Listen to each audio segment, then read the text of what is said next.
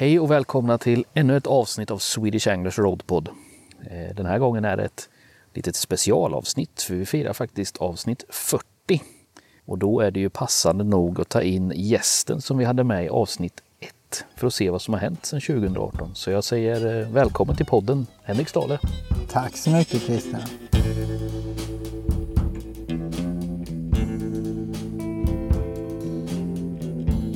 Swedish Anglers Roadpod presenteras i samarbete med Fiskekompaniet. I've had enough of your bullshit to last me a lifetime. So get out of here. I don't wanna see you. Allt bra? Det tycker jag. Vi är ute och fiskar. Det är vi. Då är det alltid bra. Det är det faktiskt. Då är livet alltid lite lätt. Ja, så är det. Och eh, vi skulle ju ha spelat in den här podden när vi var i Emån. Men eh, helt plötsligt så öppnade sig himlen. Så vart det ett underbart kvällsregn så det var bara att gå och lägga sig. Mm, Så det sket sig. Så idag är vi och fiskar karp istället ihop. precis. Nej, det där med vädrets makter kan man ju inte... det kan man ju aldrig räkna med. Det var som min son sa häromdagen att Nej, men pappa, de där gissar ju bara de där som håller på med det. Och det känner man ju igen. Så är det ju. Det är kanske jag som har haft dåligt inflytande på sexåringen. Det kan vara så. Ja, Men nu ser det ganska stabilt ut. Även om de, vad, vad sa du prognosen var? Var det 70 procent risk att det kunde regna mellan 0 och 20 millimeter? ja precis.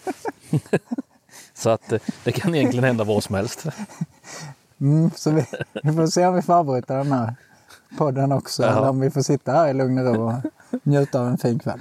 Ja, Men nu är vi och fiskar karp i juni. Varmt och, och gött. ja det är det. Vi sitter här och har tryckt i oss lite mat. Fått ut våra spön. Mm, det tar ju alltid längre tid när man ska båta ut spöna. Ja. Det bara försvinner iväg tiden. Men nu är allt på plats. Jag tyckte vi var rätt effektiva ändå. Alltså. Mm. rullade på bra. Så nu får man sitta här och ta det lite lugnt. Mm, Dricka lite lite, kaffe. mm, precis. Lite spännande också för den här gången har vi ju förberett oss genom att förmäska lite. Ja, du har ju varit eh, duktig och varit här. Eh, ja, jag kände det att eh, jag ville se om det gjorde någon skillnad. Jag hade en möjlighet att sticka iväg. Så att, eh, det blir intressant att se mm. hur de svarar på det. Ja, har vi tur kan vi få med ett, en drillning av karp på, i podden. här. Man vet ju aldrig. Vi får se. Men jag tänkte, vi ska som sagt backa tillbaka lite här. För vi, vi sågs ju första gången då 2018 och fiskade färna i Emån. Det var då vi spelade in avsnitt ett. Mm, precis. Eh, Det har hänt en del sedan 2018. Du och jag började fiska en hel del ihop efter det. Mm, Eh, och vi har ju som eh, många vet redan så har vi ju en fortfarande faktiskt en årlig resa till Emån där vi nöter färna på, på ytan. Och då har vi ju spelat in en film också så den finns ju på vår Youtube-kanal nu och går att se där om vårat fiske nu senast. mm. Det gick ju bra Ja, men det gjorde det faktiskt. på så sätt. Det Fick var, ihop lite häftigt filmmaterial och, och sekvenser och eh, man lär sig ju alltid något och den ena resan är aldrig den andra lik. nej, så är det ju. Sen vill man ju alltid ha de största, man vill ha många stora men eh, det är ju små marginaler. Ja, och det, det som vi, eller som jag inte fick med på film, men som man kommer ihåg, det var ju den här sjuka stigningen och sänkningen av ån där Ja just det. en dag. Den, alltså den, jag kommer inte ihåg, vi satt och käkade frukost tror jag då. Och sen så, jag kommer inte ihåg, den steg den, eller hade den stigit? Ja den, ste, den steg För helt plötsligt fick vi vatten vid fötterna. Ja. Och, och så tänkte jag, vad fan händer nu? Och sen så helt plötsligt så bara försvann allt igen. Och sen Ja. så var den så lågt så att det kom fram grejer som vi inte någonsin hade sett innan. Stenar och växtlighet och allt möjligt. Och kom åt platser som inte man kunde gå ut på annars. Och sen helt plötsligt igen så var den uppe på normalnivå. Så Ja. där undrar man ju vad som, vad som hände. Ja, det måste alltså. varit något driftstopp i något kraftverk eller någonting. För det var, vi räknade på det. Det måste varit över en meter skillnad på bara några timmar. Ja, Och det var ju inte så bra för fisket. Och det kunde man ju... Det är ju inte sånt man hade önskat om man hade kunnat välja. Det kunde Nej. man ju räkna ut att det inte skulle vara så bra. Men det kunde man ju inte välja. nej. Men det, är en- det är en sån här grej som man kommer komma ihåg. Eh, som ett minne från den resan. Mm, och det tog ju faktiskt ganska lång tid innan det, fisket blev bra igen. För det var ju, Ja, det var ju jättebra på kvällen när vi kom. ja, för det var ju på onsdagen när vi kom dit. Mm. Och sen det ju- var det på torsdagen. Och sen Ja. var ju hela torsdagen förstörd. Mm. Och större delen av fredagen var också förstörd. På grund av vattenfärg och eh, Ja, ja, störningen som blev Mm. med höjning sänkning. De omgrupperade sig nog. Jag tror de ställde sig och tjurade fisken. Det är ju samma egentligen. Jag, jag bor ju nära havet i, i Timmernabben och det ser man ju när det är jättestora inflöden med mm. när det blir jättehögt vatten så är det ju aldrig bra fiske. Och sen när det sjunker tillbaka för snabbt är det inte heller bra. Utan nej. det ska vara lite stabilt och lite normalt. De blir chockade fiskarna. Tumlar runt. Vi brukar säga att det är som en tvättmaskin när det kommer in. Blåser nordliga vindar och hela Bottenhavet kommer. Då kan man stanna hemma för då är det, Då är det inget att fiska på. nej, då är det ginklart och vatten överallt. Det är inte bra. Och kallt blir det också. Ja. Nej, men det var väl en av de grejerna där som jag tar med mig. Men första året vi var där, då, du fick en över 2,5 då va? Då 2018, fick vi inte det? Jo, det måste varit det året. Jag fick ju min första reggfisk på ytan då. Eh, tillsammans med dig. Ja just det, det var Och första... sen så var jag kvar ett par timmar extra. Du åkte hem vid lunch på vår sista fiskedag och jag Mm. var kvar några timmar extra. Och då fick jag ju eh, en ny eh, fantastisk färna, en 60 cm på 2,8 som blev nytt personbästa. Så jag slog ju PB två gånger den ja, just resan, det. så det var verkligen eh, bra. Jag fick en bild Utdelning. på Messenger av dig när jag satt i bilen hem tror jag till och med. Ja, just det. och Just så det. plingade det till som bara var i... Ja. ja, ja snyggt. Men eh, Nej, men det, man ska aldrig ge upp in i det sista. Liksom. Ja. sista.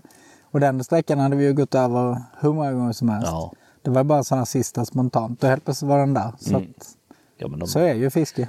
rör sig upp och ner hela tiden. Så, Mm. eh, framförallt där runt lek tror jag de rör sig Mm. väldigt mycket. Jag tror det med. Sen bara några dagar efter det så hade jag ju en, en otrolig tur. Då återfångade jag ju min första. Sen återfångade jag den andra och så fick jag en tredje stor fisk också. Så jag hade tre stora färnor på bara ett par timmar plus fyra till. Det var en sån där dag när bara allt stämde Ja. på några timmar. Jag stack bara dit efter jobbet. Det är ganska långt att åka men eh, jag fick väl liksom fiske kanske från fem sex och fram till det mörknade. Mm. Ja, det är bra resultat alltså.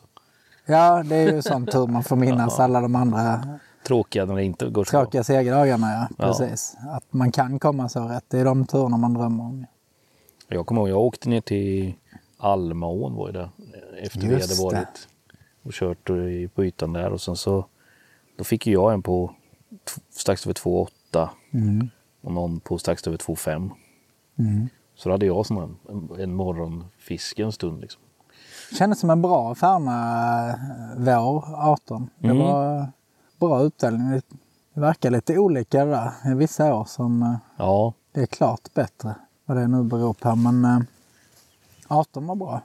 men var det 2020 som du fick den på eh, din trea? Ja, precis. Det var det. För 2019 var det då vi, var det då det snöade? Det varit Ja, det måste det varit. det Åh måste gud ja. När vi var där i, i maj och Ja, Jag fick upp. det där telefonsamtalet på morgonen. Bara, har det kommit mycket snö hos er från, från min fru? Och jag bara, här är väl ingen snö. Men jag hade hört konstiga kasande ljud hela natten och tänkte att det var någon björk som tappade grenar eller något. Och det var, ja, det var någon decimeter snö utanför. Ja, Parasollen stod som blöta bläcksvampar. Och, den, den var sjukt oväntad. ja, det var ot- och sen var det ju bortsmält sen på kvällen. Ja, Det var ju riktigt, riktigt märkligt. Men det året fick vi ingen... Eh, Jag tror inte, det är inte någon riktig Nej. topp va? nej, jag tror inte heller det. Jag fick någon på strax under 2,5 vet jag. Mm. Eh, men annars var det rätt svårt fiske då. Mm. Fick alltså inte bra mängder heller eller sådär utan det var ganska segt. Och, Kommer inte riktigt ihåg 2019 överhuvudtaget. nej, det var nog Det kanske inte var toppen. något bra fiske generellt. nej, Jag vet inte om vi körde något mer fiske det året. Eller hur vi... jag kommer inte ihåg om vi var iväg på något mer. Man borde ju komma ihåg, för man fiskar ju inte som förr med, med små barn så, så blir det ju inte alls antal samma tur. Vi har ju pratat om det innan. Det är ju Mm. de här fiskarna som vi har hållit fast vid som gör att man, man får sina garanterade pass och satsningar. Ja, Det är ju inte alls som förr när man kunde fiska helt obehindrat. Utan det är ju mycket, mycket, mycket färre pass. så är Men eh, Man får planera. har vi ju, ja precis, men det har vi ju utvecklat också. Så vi har ju smugit in fler och fler satsningar. Så att vi, vi kör ju en Färna-satsning och så kör vi ju en årlig karpsatsning som vi är på nu. Mm. Och sen så eh, brukar vi köra en ålsatsning. Mm. Och sen så kör vi en gössatsning på hösten och ibland hinner vi med något annat med. Ja, någon gång var vi i Hossmån och körde abborre. Då blåste det storm. Det kanske var 19. Det känns som en sån här 19-tur. Att det var ett sånt där mellanår när man det hamnar vara. fel. Ja jäklar, det var mycket med det där. Vi gick med... Jävlar vad vi gick långt. Och det enda som var bra, och det är ju ett varningstecken, det var att det var så äckligt lätt att få tag på betesfisk. Jag hade ju med mig flera hundra sarvar, Ja. kommer jag ihåg. Ja visst, vi hade ju betesfisk. Men, Men så är det ju ofta. Får man tag på betesfisken så är rovfisk ett kast sen. Ja, det, Det var väl därför det var bra, för att då håller de sig undan. jag kommer ihåg, vi, vi, Alltid vi likadant. satt vid, eh, eh, vad heter platsen där vi, när åken var bakom. Det var ju typ så här nyharvat eller något. Det var ju så lös jord, det bara blåste in i nacken på Så jäkla ont. Det Ja. var riktigt så här, åh det här är inte mysigt någonstans. Nej, nej. Och sen åkte vi över och skulle gå från andra sidan och gick och vi gick och vi fick bara gäddor och gäddor. Sen till slut tror jag du petade upp någon abborre som var så här. för- Alltså för hjälpligt stor men jävligt liten för Ja, oss. ja, ja, jag tänkte säga för att vara Hosmo så var den ju så här. Oh, den var inte stor. Nej. Nej, sådana turer har man ju. Och ändå, man ska pressa sig till sitt yttersta en sån här ohet dag att man, man fiskar från morgon till kväll och är som en trasa efteråt. Det kan ju hända, fast innerst inne så vet man ju att det Ja, händer ja, inte va- den dagen faktiskt. Var man, spelar ingen roll var jag kastade den någonstans den dagen så fick jag gädda. Ja, och- jag vet att jag satte ju något enormt med tackel också. Man Ja. kommer ju in ibland, speciellt i den ån, där måste ju sitta flera ton bly. Alltså det, det borde ju rensas. För ibland kommer du in i sånt oflytt. Du får kasta om varenda utlägg. Hopplöst kan det vara. Du kan ju kasta på samma ställe där du inte har satt innan Ja. och tänka att det Och- landar på samma och Ja. så sitter du. Det är helt... Nej, den är makalös den där jäkla ån med det. Ja, det, var, det var inte det bästa fisket vi har upplevt. Men eh, vi skippar väl då 2019 för då hände det inte så mycket roligt. Vi kommer inte ihåg något i alla fall. Nej. Jag kommer verkligen inte på något heller att det där hände något så speciellt bra med 2019 faktiskt. Eh, Nej, precis. Men 2020, Emån, då. Mm. Eh, för då körde vi ju, jag tror vi, vi, vi har ju smugit in fler och fler dagar också. Det är det Ja, det har vi gjort. Snart är vi där en vecka. så, så, så då tror jag vi smög in så vi körde från torsdag till söndag. Ja. Eh, det var, tror jag var första gången 2020. Mm. Den här gången var det nog... nu Onsdag till sist var det söndag. onsdag. så va? nästa Ja. får vi köra tisdag då. Till slut är vi där hela året. ja. Var är de någonstans? Där vid Emån? Nej, okej. Nej, Har de kommit hem sen förra året? ja, det här är den nya satsningen. Och var hemma en dag hemma, hemma sa hej och åkte igen. och köpte nytt bröd. Det är faktiskt lite roligt när man handlar bröd inför det där Färnafisket. När man går in och handlar 20 limpor vitt bröd och de tittar på en som att man är värsta white trash. Och bara, vilken jävla tomte. Sen- Är det det enda de äter, vitt bröd i den familjen? Ja, och sen frågar de så oj vad mycket, vad ska du göra för någonting? Vet jag, jag ska fiska. Då tittar de på oss som om man var ännu dummare. Okej, jag orkar inte förklara det här. Jag ska mata fåglar, det är bättre att säga. ja, det hade, den borde man ju faktiskt köra oftare med antagligen. Åh, vad snäll du är. Ja, det hade nog. Det de- generös är jag. Nu med de här brödpriserna så är det ju Ja, jag vet. Får ju baka hundra. Ja. Ja, nej. Men den, den 2020, då på torsdagen direkt. ja, då var vi ju där tidigt så det var ju kallt. Så det är alltid Ja. känsligt. Vi var ju där i april den gången. Mm. Men det blev ju succé redan första kvällen. Ja. Ja, det var första kvällen va? Mm, det var det. Jag fick det där magiska påslaget på jättelång lina. Och, eh, Sista, absolut sista ljuset. ja, det var det. det gick, Du såg ju ingenting. nej, det var ju, egentligen. det var ju plasket Ja. som vi hörde och såg. Ja, för Ja. det ekade ju fortfarande över Emån.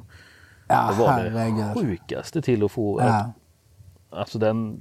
Han... Så har aldrig en fisk tagits med innan.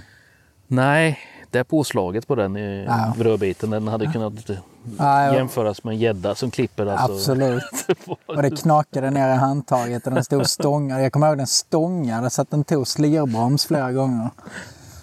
Och sen det här dramatiska, det har vi pratat om innan men när den är på väg mot en buske som brukar vara den kritiska busken när jag säger ja, gött den är förbi.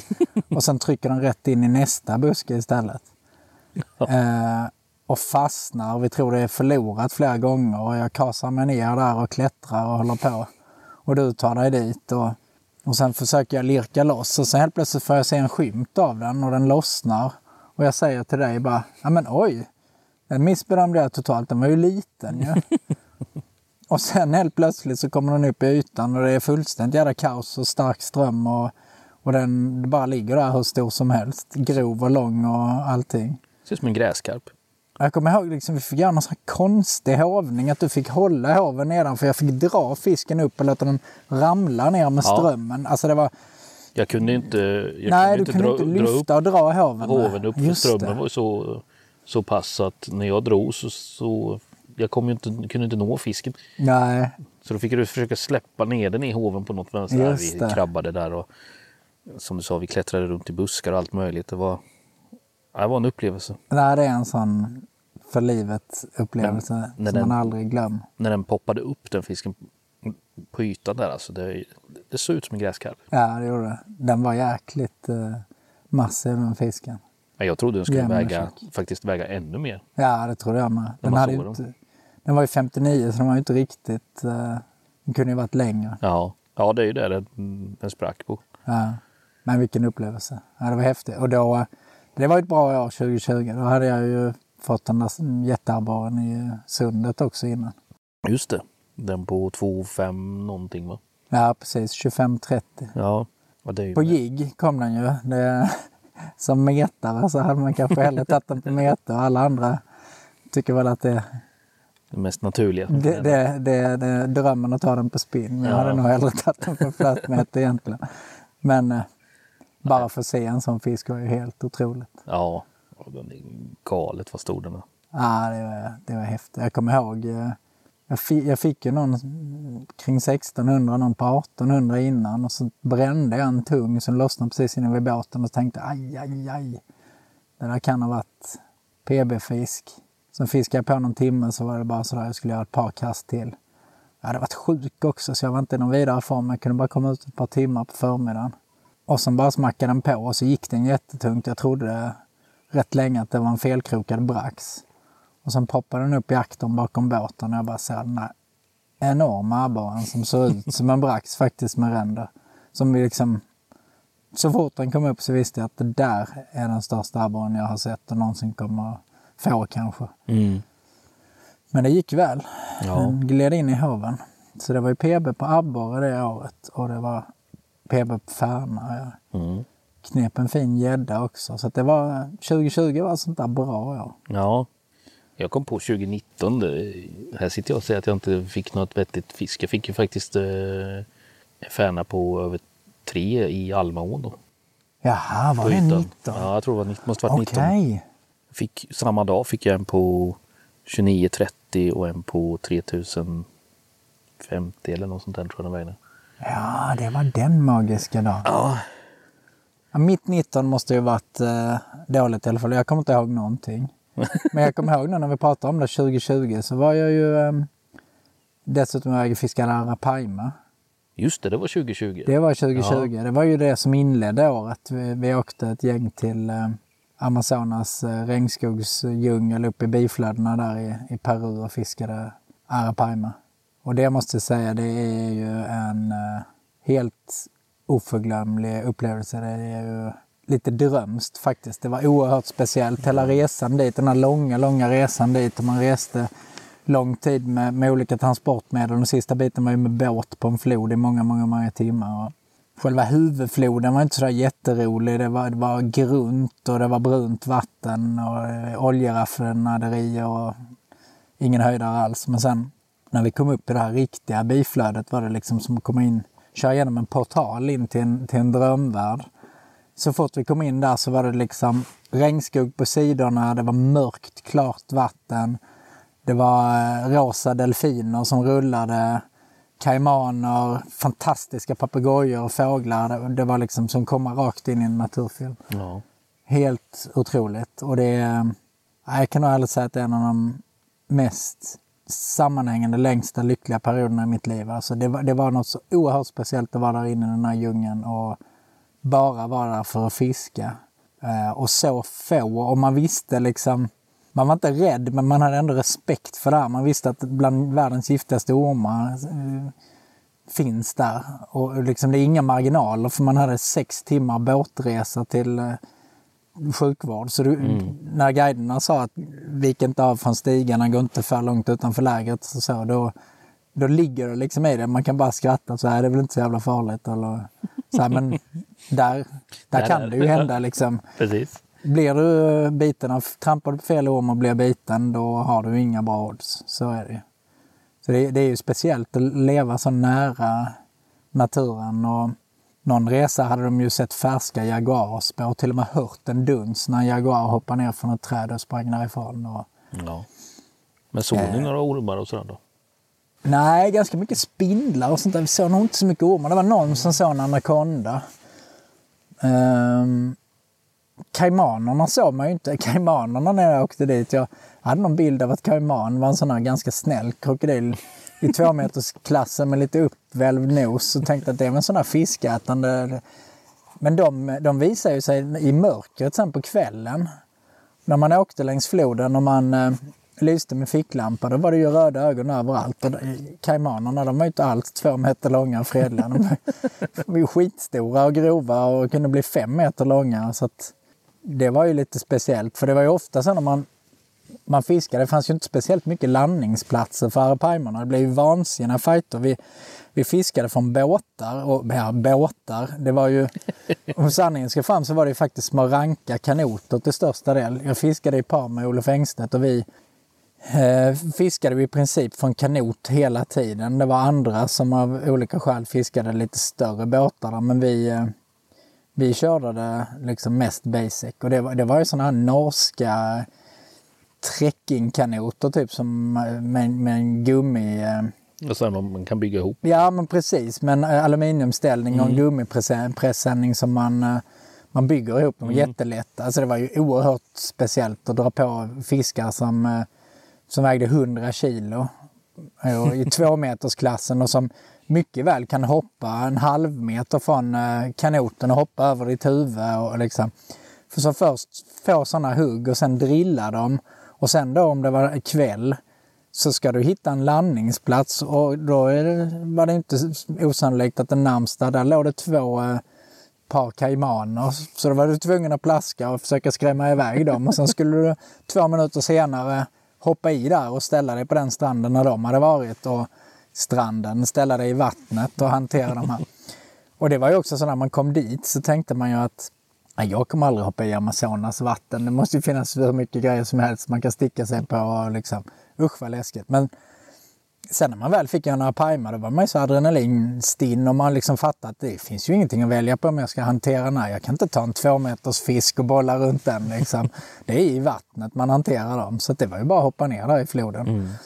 Och mot slutet av veckan då var man ju extremt härdad. Ju. Då dök man ju i och simmade nästan in eh, till landningsplatserna och in med handen. Jag kommer ihåg att jag har någon sån bild på näthinnan när Olof stod med eh, ända upp till armbågen in i, i gapet på en arapaima för att försöka lossa cirkelkroken här långt innan.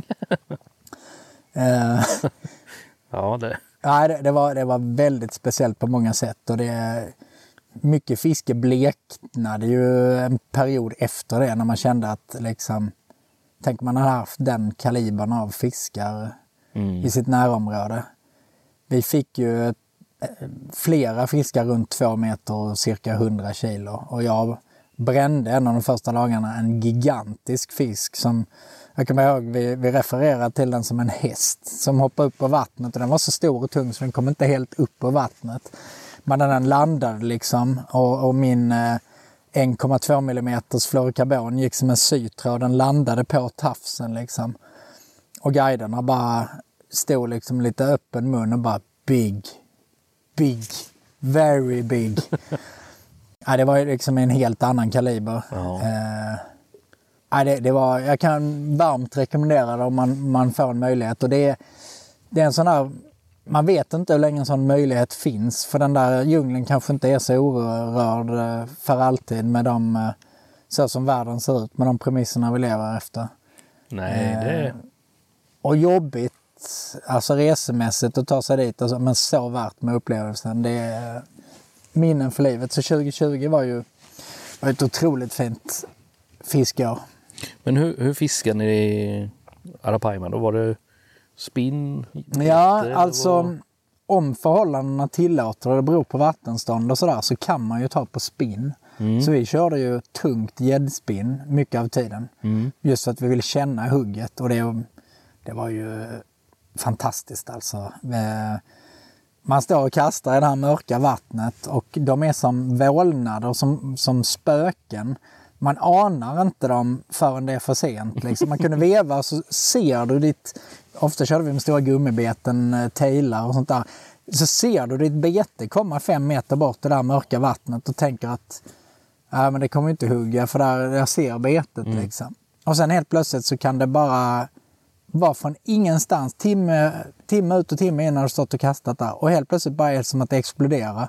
Och de, de kommer underifrån eller kommer med, från sidan eller med någon sån här stor kraft så att helt plötsligt så bara bubblar det till och fräser och bara river i rullen på den hårdaste bromsen. Så från ingenstans är betet borta och du, och du står där i ändan med, med så här fiskar på mellan 50 och 100 kilo. Äh, de, de små vi fick vägde ju mellan 30 och 50 kilo. Ja.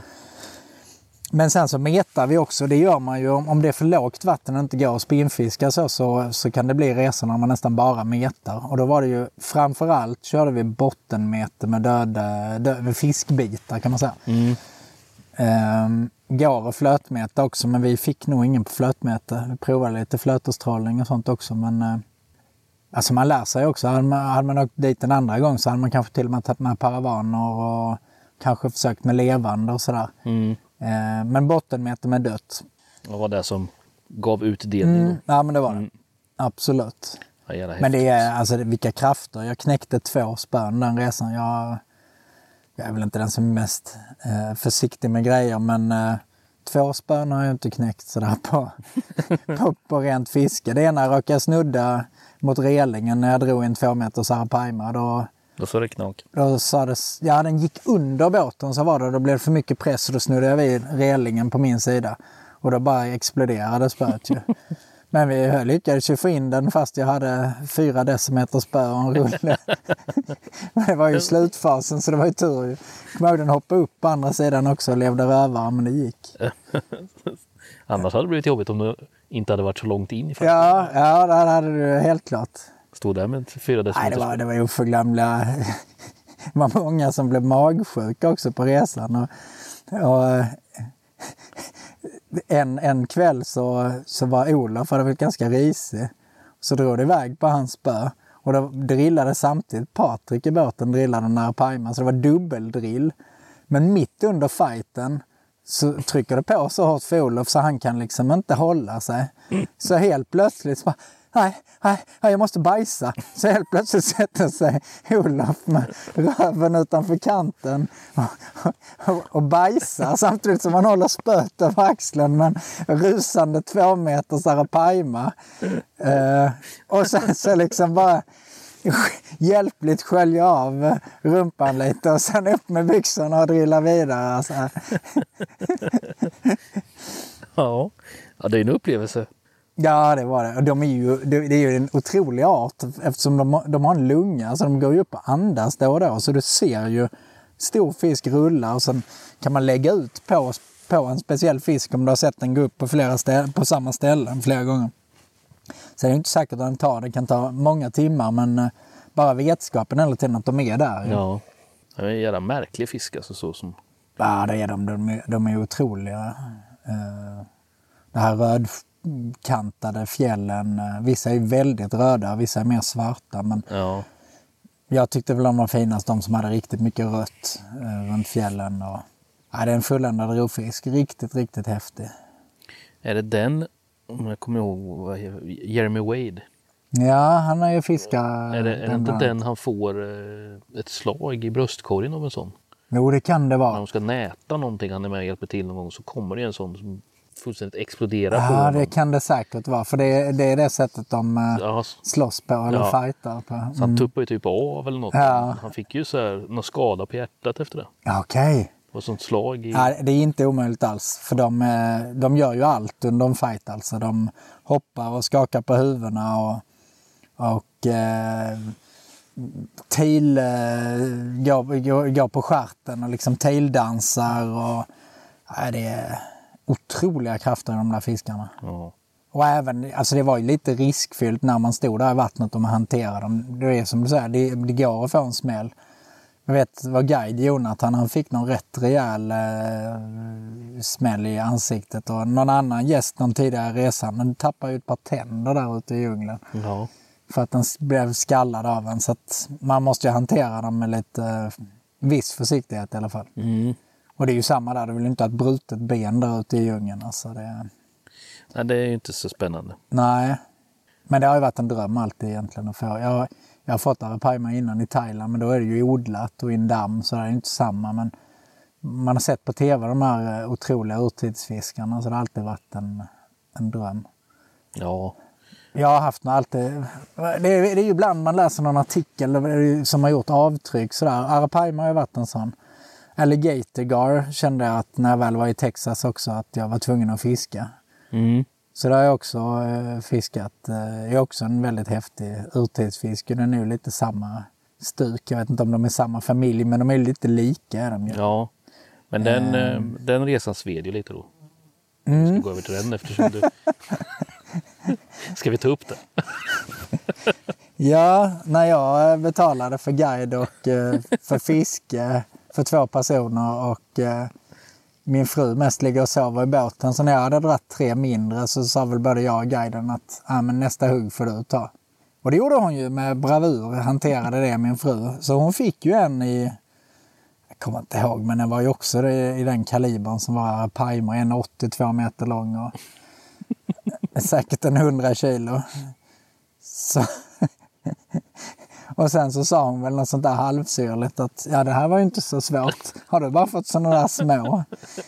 Och sen lyckades jag väl hjälpligt reparera med någon 160-170 fisk men den var ju ändå mindre faktiskt. Men då Så det, så det var ju länge så att hon hade ju familjerekordet på fisk. Ja. Men det har jag ju återtagit nu med Arapaima, Ja. tack och lov. Ja. ja, den, är, den kan ju vara jobbig en sån. Ja, Och veta att... Har du visat den där bilden på oss med min fisk? Den har man hört några gånger. Nej, det har jag inte.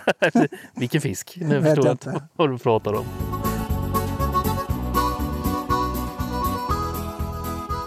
En, en eh, fisk som jag hade gett mycket för att fiska efter här också, det är ju stör. Men jag hade ju helst velat fiska i Ryssland, belugastör.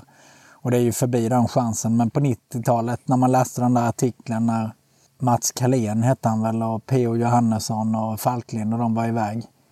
Mm.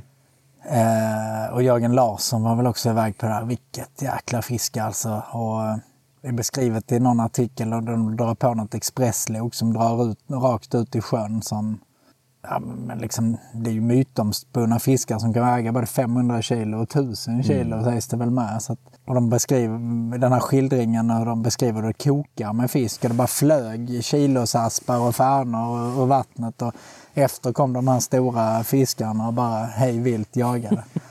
Det hade man och hela den resan verkar vara så här häftigt liksom med transporterna och maten och guiderna, miljön och allting. Men, eh, Ja, riktig sån expedition. Ja, precis. Ja. Den hette väl det artikeln också när du säger det. Expedition Beluga. Ja, du ser. Så där ser man väl. Det, är väl som, som Tomba har pratat om det här. Vår generation var väl fisketidningsgenerationen. Det var där man fick sin intryck. Det var ju så egentligen som jag utvecklade mitt intresse. Jag hade aldrig någon som lärde mig eller så, utan det kom ju mycket genom fisketidningar. Mm. Men man var ju för ung då på 90-talet.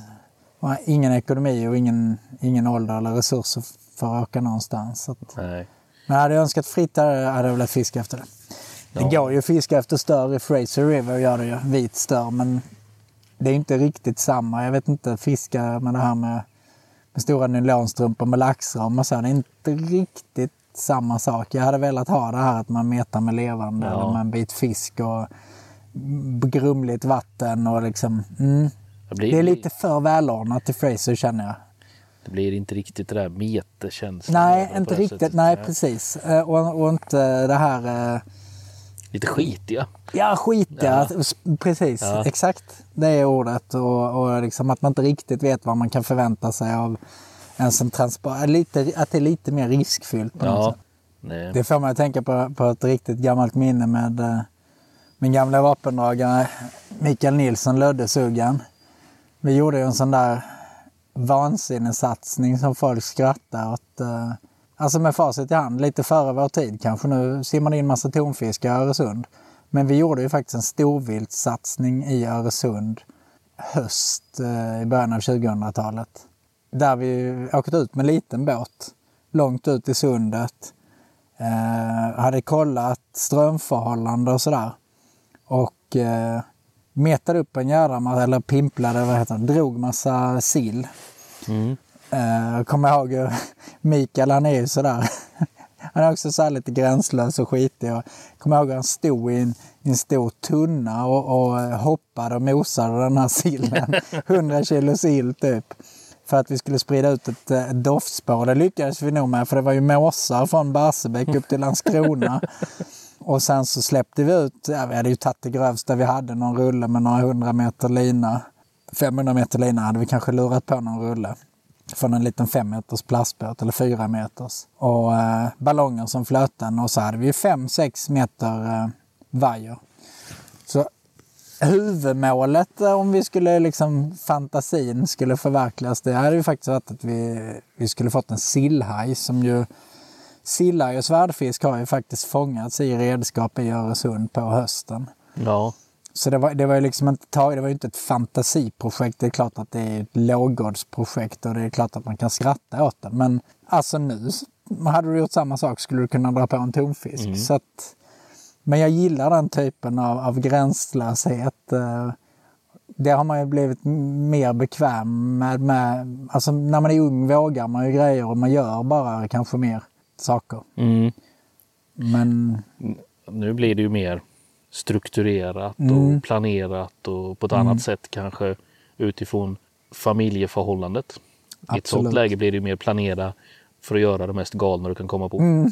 ja, men lite så. Det är ju den skillnaden man, man ser det. Man, man vill gärna ha lite av den där galna Mm. på något sätt kvar i det hela fast samtidigt så vet man ju att det är svårt att, att behålla det. Ja men exakt. Ja, men jag kommer ihåg att vi har gjort sådana här galna grejer. Vi fick för oss att vi skulle utforska varenda jävla damm i Skåne som hade någon anknytning till havet. Så vi var ju nere någon sen kväll i Malmö hamn och klättrade över både vanliga stängsel och taggtrådsstängsel för att komma in och undersöka dammar och se om det skulle kunna finnas förutsättningar för enorma gäddor där inne. Och bli jagad av vakter och ja, alltså sånt där som man minns liksom. Ja. Det gör man ju inte längre. Nej. Kan- Eller vissa gör ju säkert Ja, det. Vissa jo. är nog... Ja, nej, men jag tycker man blir mer och mer... eh, Jag ska inte säga att man blir rädd, men reserverad. Man, man känner liksom... Jag kan ju inte stå där som 44-åring och, och bli gripen för olaga intrång för att jag rekar en gädddamm. Liksom. Det blir ju konstigt. Ja, den är ju lite udda. Det är svårt att förklara hemma också. Kommer ihåg att det var jävligt lerigt där nere i hamnen också. Ja. runt de här dammarna. Det var ju sån här tjock skånsk lera som liksom klöfs, eh, klöfs och bilen såg för jävligt ut efteråt. Såg ni något? då? Gav Nej, men alltså någon av de dammarna där nere i, i hamnen i, i Malmö där hade ju gett eh, stora gäddor. Ja. Och någon av dem hade jag fått gädda i. Så jag, det var väl mer, vi spann vidare på det. Men det finns ju fler dammar, det är ju ingen som fiskar i dem. Varför gör de inte det? Nej, det är för att det är fyra meter stängsel där. Nej, skiter i det. ja. Där ska vi fiska. Ja, vi fiskade ju inte ens, vi rekade. Vi skulle se om det var inlopp, om de hade anknytning till havet. Och då hade vi säkert gått dit och fiskat sen också. Ja. Eller mm, lagt oss utanför inloppet eller någonting. Men, nej, vi halkade runt där i leran och så kom det någon vaktbil och blinkade och man blev panik och sprang. Och, nej, nej, roligt. Ja. Får man väl ha som minne. Man får försöka skapa Mm. någon form av lite galna grejer fast på en rimlig nivå idag. När man är lite äldre. Mm, nej, men precis. Vissa grejer hör ungdomen till. Men jag kan sakna det ibland. Man gillar ju, jag gillar i alla fall äventyret när det är När inte allt är givet, att lite vad som helst kan hända. Det blir mycket mer roligt då. Mm. Det är som våra båtexpeditioner. Ja, men precis. Det är ju lite, där, där får man ändå i alla fall med någon form av lite så äventyrs... Mm. Eh, Jo, men absolut. Så- Man får se nya ställen och man, eh, man kan hamna i forsar och man får... Ja, men att man får fatta lite sådana här eh, spontana, snabba beslut. Jag, jag, jag gillar det. mm. Man får lite pull. Man hör vad... Men som sist var ju jätteroligt ju. När jag hade övertalat dig om att nej, den där sträckan alltså, som ett jävla dike på sommaren. Inga problem alls, där har jag varit. Det finns inte en fors på hela sträckan. Och så, ja, vi var ju, satt ju i en fors direkt. Alltså, efter 50 meter hade vi kört fast. Och sen hörde vi dånet från nästa fors och så bara höll det på. Så ju, flera hundra, alltså det tog flera timmar att ta sig några hundra meter. jag tror vi, vi spenderade mer tid med att faktiskt förflytta grejer och båt än vad vi, vad vi fiskade sen. vi. Garanterat, det gjorde vi. För sen när vi väl hade tagit oss förbi de där, då var ju inte sträckan så jävla rolig längre. Nej, det var det inte. Nej, det var ju... Det mest... mest underhållande och mest, det man kommer ihåg bäst, det var ju faktiskt att det var en annan år på våren att det var ju rätt så roligt. Det hade ju varit roligt att paddla i kanot där faktiskt. Ja, ja visst. Det, I badbyxor och flytväst, kanske inte med fullasta med all sin fiskeutrustning. nej, inte det. Men det sjuka var ju att det var ju bara det här, det räknas knappt som ett biflöde, men själva huvudån gick ju Ja, just det. innanför vid kraftverket och så var det här som ett... det- Omlöp ja, eller ja, precis, någonting. För så fort vi hade kommit ner till huvudån igen, då var det lugnt. Det var ju bara omlöpet, den här skit, runt som vi åkte, som du sa var ett dike som var helt... Ja. Alltså hela den, den sträckan var ju som en jävla fors. Mm. Och sen så sa jag till dig, ja men där nere nu, nu är vi nere vid huvudåran. Det, det, det är bara det här, det, vi tar oss igenom det. Mm. Det gjorde vi ju tills vi kom till nästa krök igen. Och så var det precis likadant, så var vi bara börja lasta ut Mm. Ja, allt bära igen. men det var ju... Året innan var ju likadant ju. Ja. Då kom vi med till något ställe som var, vad fan hur ska vi ta oss förbi det här ja, man såg liksom resterna från folk där. Det, där ligger en foppatoffel och där ligger ett guldvaskafat och där ligger någon regnjacka och där är det hinkar. Och, det var inte de första som höll på att kapsejsa i den. Men Den hade skördat sina offer. Så det, Det var ju så smalt. Men det var liksom fan med en halv meter på ett ställe där. ja, Kommer ihåg den jävla båten bara studsade fram. där. Så vrålade jag ner. Gick det bra? Ja, det gick bra. Okej, okay. så fick jag bära runt grejerna. Ser så dumt ut. Det liksom bara svävade uppe på. Så. Ja, men det är ju också det. En liten lätt biltagsbåt, är den fullastad så är den verkligen oduglig. Då är man ju helt chanslös. Då har du ju noll marginaler. Men när man väl hade tömt hela båten och satt där själv och inte var rädd för att åka på- Det var det säkraste man kunde göra för det var ju nästan som man flöt ovanför vattnet ju. Jag åkte på eh, skumtopparna liksom. Ja, det såg ut som det lite. Det såg så jävla roligt ut. Det var liksom guppade uppe på toppen. Nej, men det är alltså, äventyret gör det. I alla fall ibland. Ja, Jag kan känna ibland att jag har lite sug att om man någon gång får tid och möjlighet att man skulle göra någon slags Norrlands expedition. Kanske ta sig till någon Harjok eller till någon... Alltså där det innefattade vandring och den miljön och livet där uppe. mm. Det är väl sådana äventyrsgrejer man kan fundera på på hemmaplan som hade varit kul. vad ska du fiska då? då? Jag vet inte riktigt men eh, kanske så här harr som man inte har fått innan. eh, Ja. Röding kanske. Harr hade varit kul. Jag har alltid tänkt att det Ja men lite Flöt- aggressiv och så. Ja. Flötmeta harr. Mm. Man har någon sån här bild av att det ser så jävla roligt ut om man har sett det i engelska meterfilmer. Mm. Mm. De står och trottar med sin centerpinne och lite sånt där. Ja, precis. Ja, men det är en cool fisk. Och den verkar tacksam metfisk. Den tar nog ganska okritiskt och på mask och så. här. Det är nog inte, det är nog inte dumt. Nej, ja, det hade varit lite roligt. Någon gång kanske. Ja, just nu är det ju, det är ju svårt med tiden, men eh, jag vet inte. Man, man hörde ju när man, man eh, fick barn att ja, men småbarnsåren är värst. Och då tänkte jag väl för mig själv, ja, när de är späda där ett, två år och sen så lättare och så här. Men det blir ju bara mer jobb alltså. Det inser man ju. Det, det är inte lättare till fisketid när de är som min son nu som är sex år. Men där, däremot nu så, så händer det något roligt för han kommer ju hit på besök imorgon. Mm. Och det var ju på eget initiativ. Så det hoppas jag verkligen ska öppna upp möjligheter för fler sånt där. Att han ska tycka det är kul att vara ute och, och tälta och, och fiska och så. Att man kan göra fler sådana. Ja, satsningar, att det är en början. Jag har försökt ta det lugnt nu några år med honom så att han inte ska bli avskräckt. Och liksom bara metat eh, mört och gjort sånt där tacksamt som, som inte blir... Eh, så att det inte är risk att de tappar sugen. nej man får inte sätta dem med bottenmeta efter... eh, Nej, jag vet Han var något. jätteliten. hade jag med honom i båten och spinnfiskade gädda och så tog man väl kanske tände på det någon gång och han blev ledsen eller arg och ville hem och liksom Mm. sådär. Så att eh, man lär sig av sina misstag så att eh, det får komma och mogna fram. Och, är det eh, ju. det hade ju varit fantastiskt om man fick en, en fiskekompis i, i sitt barn förstås. Så eh, vi får se hur det går imorgon. Ja, Jag hoppas att den här 70-procentiga sannolikheten för eh, 0 till 20, att den inte slår ut med 100 procent 20 mm regn och att det bara är... nej. Det hade ju varit lite... Det hade kunnat bli ett antiklimax. Ja. Mina barn, eh, min grabb i alla fall, tycker ändå det är roligt för dem att fiska karp. Ja, men du har ju fått ut eh, Ja, dem flera gånger och hela familjen har ju varit iväg så. Det är ju, ja, oh ja. det är ju jätteroligt. Ja, man kan göra det allihopa. Just karpmete har ju min grabb fastnat för. Det tycker han är roligt. Ja. Vilket är jättespännande med tanke på att det kanske inte är det mest så här... Med högst huggfrekvens. Nej, precis. Helt. Men det tycker han är roligt. Så där. Kunna sitta ute, grilla och Mm. så sen eh, läser han någon bok och babblar om allt möjligt.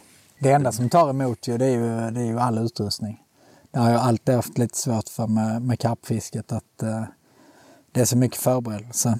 Mm. Och visst, det går ju att trimma ner. Om man är ute ofta så vet man ju precis vad man behöver. Men det, det blir mycket saker. Men det blir ju bara för dig.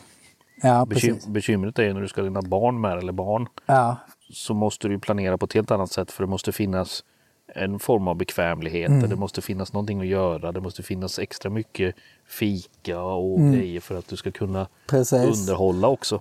Och så måste du kanske ha fler sängar eller luftmadrasser. Ja, eller, visst. Så det blir alltid det sådär. blir väldigt skrymmande. Och då är det mycket grejer från början. Jag har ändå försökt banta ner min, alltså hitta en utrustning till mitt karpfiske som kräver väldigt lite grejer. Mm. Sen är det ju alltid de här standardsakerna som tält, säng och sånt kommer man inte ifrån. Men, men så fort man ska med ungarna så blir det ju Ja. kaosartat mycket grejer. Men vi har ju faktiskt kört en hel del. Jag har ju ett karpvatten, inte sådär, vad tar det, 40 minuter eller något att köra dit. Mm. Så vi har ju faktiskt kört på framförallt semestern och sådär. Att man åker på eftermiddagen och sen kör till det har blivit mörkt och sen åker hem igen. Ja, okej. Så vi har inte legat över natt utan Nej, då, så. då är det klart, då får man ju ner eh, mycket. För då kan man ju åka mycket och, utrustning. och, och förmäska lite någon dag innan och bygga Ja, upp ja. hela den här. Ja men vi åker och mäskar och sen köper vi en glass. Mm. Eh, eller någonting, att man hittar på någonting Smart. och sen bygger man ju upp fiskeplatsen hyfsat bra ändå. Så då, då har vi faktiskt fått en hel del karp på de här eh, kvällspassen eller så också. Skitroligt ja. Ja, så det... Men det krävs, ju ett, det krävs ett visst vatten. eh, så- är det ju. Jag kanske inte hade gjort det i vattnet vi sitter vid nu. Nej, men samtidigt, igår när jag var här och mäskade, då hade jag med mig Sam och han tyckte ju det var skitroligt Ja. att mäska. Så att det, det du säger kanske ligger mycket i. Det är väl eh, jättebra grej. Det blir en utflykt och sen kan man bada lite. Och Ja, ja, man behöver inte transportera all utrustning samtidigt. Och, ja, men det kan göra fler vinster, jag kan se det.